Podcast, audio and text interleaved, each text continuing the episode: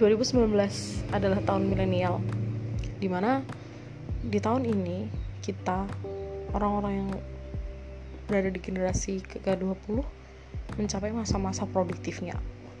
Dan masa-masa produktif itu seharusnya dapat menjadikan momentum besar kesempatan besar bagi generasi milenial untuk bisa berkiprah berbuat baik kepada lingkungannya kepada agamanya dan juga kepada negara sekarang kita tengok apakah kita sudah melakukan itu? Apakah kita sudah memberikan sesuatu kebaikan untuk lingkungan kita? Apakah sudah berbuat baik untuk agama kita untuk keluarga kita untuk negara apalagi?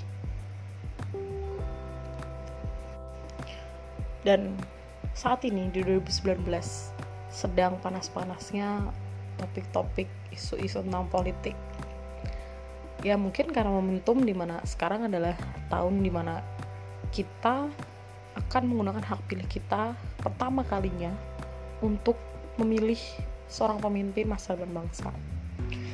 Dan dari momen seperti ini juga semakin panas lah isu-isu semakin banyak informasi-informasi bisa kita terima.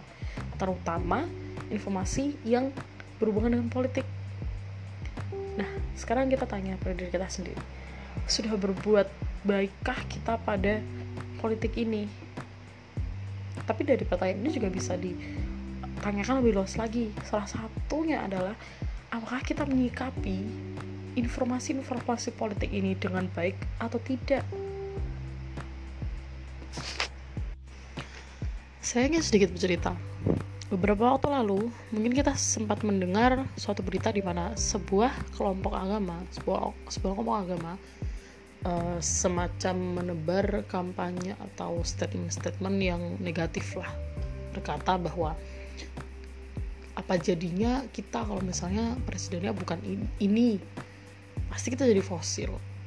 Itu itu adalah sebuah statement yang harus dikritisi apalagi oleh pemuda.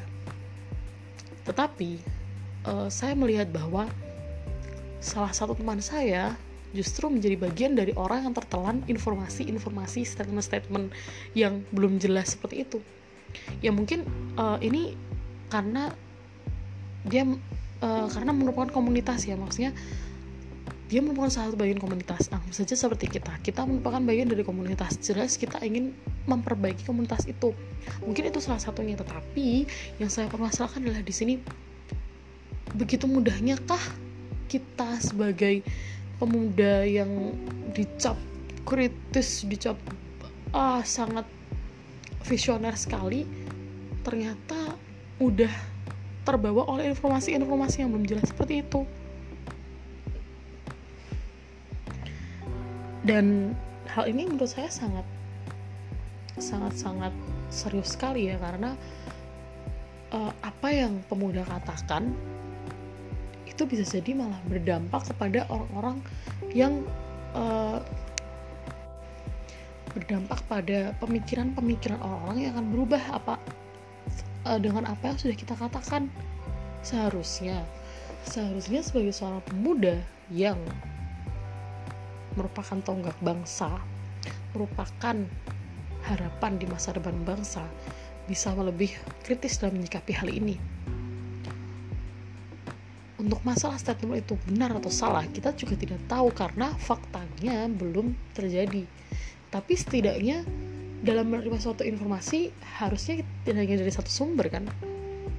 Ketika uh, analoginya seperti ini, ketika ada seorang yang bilang tahu itu tahu isi itu nggak enak tahu isi itu nggak enak ketika sudah tahu faktanya bahwa tahu isi itu nggak enak mungkin orang akan menjauhinya. Tapi kalau misalnya nggak tahu kita bisa saja menjerumuskan orang itu kepada suatu hal yang negatif. Pada akhirnya nanti semisal orang tahu orang itu ternyata sudah mencoba tahu isi itu kemudian enak menurut dia. Kita yang dapat jelek sebenarnya.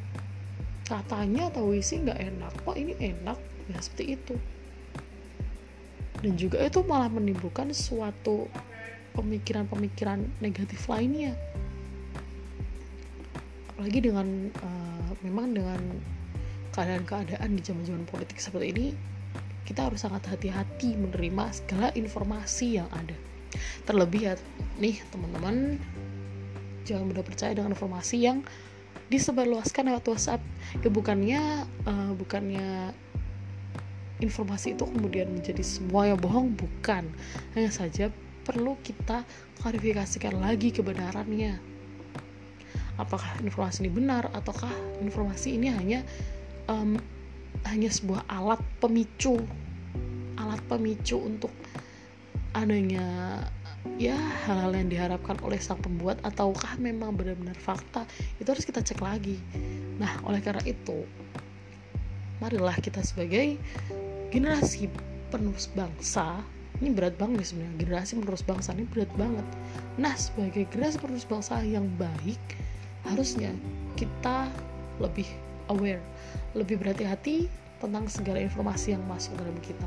Jangan sampai kita menjadi sahabat hoax yang pada akhirnya merugikan diri sendiri, merugikan lingkungan, dan merugikan bangsa.